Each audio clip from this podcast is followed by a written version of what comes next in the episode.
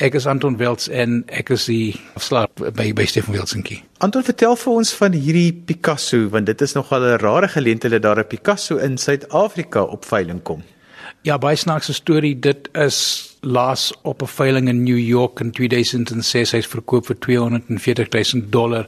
Toe kom hy Suid-Afrika toe en in privaat hande en 2 weke terug is of 3 weke terug, ek dink hy na ons toe gegee vir, vir ons opkomende veiling in in op die 7de Junie. Mense se oë rek gewoonlik as 'n mens praat oor pryse van 'n Picasso.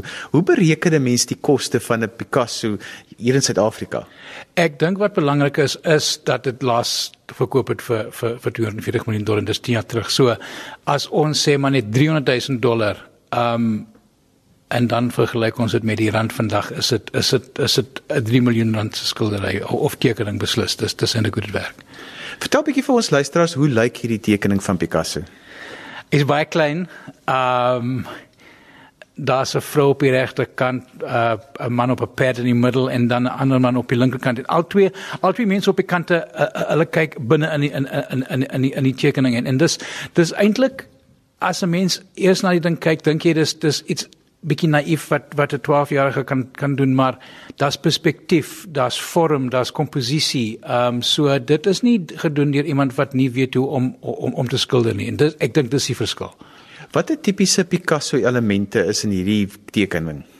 Die man op die perd, seker die man op die linkerkant want want dit is hy was beïndruk deur Velasquez en jy kan sien daar's 'n daar daar da is 'n bietjie van 'n van 'n invloed van Velasquez in die in die in die tekening. En in die mid 50 jare het hy het hy 'n hele klomp tekeninge gedoen van die sirkus en en die tekening kom eintlik uit sy sketsboek uit. Dis een van die tekeninge uit sy sketsboek uit. Wat is die geskiedenis van hierdie werk? Jy het nou al gesê hy het was in New York op 'n veiling gewees. Hoe hoe het dit hier gekom?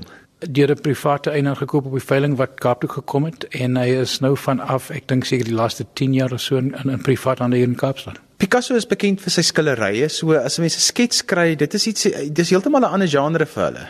Dit is maar ons moet ook dink in sy lewe het Picasso oor die 1800 olies gedoen en oor die 12000 sketse. So hy, hy was prolifiek. Hy het, hy, hy, hy het baie baie werk gedoen. Hy het hy het, uh, het kenmerk werk gedoen.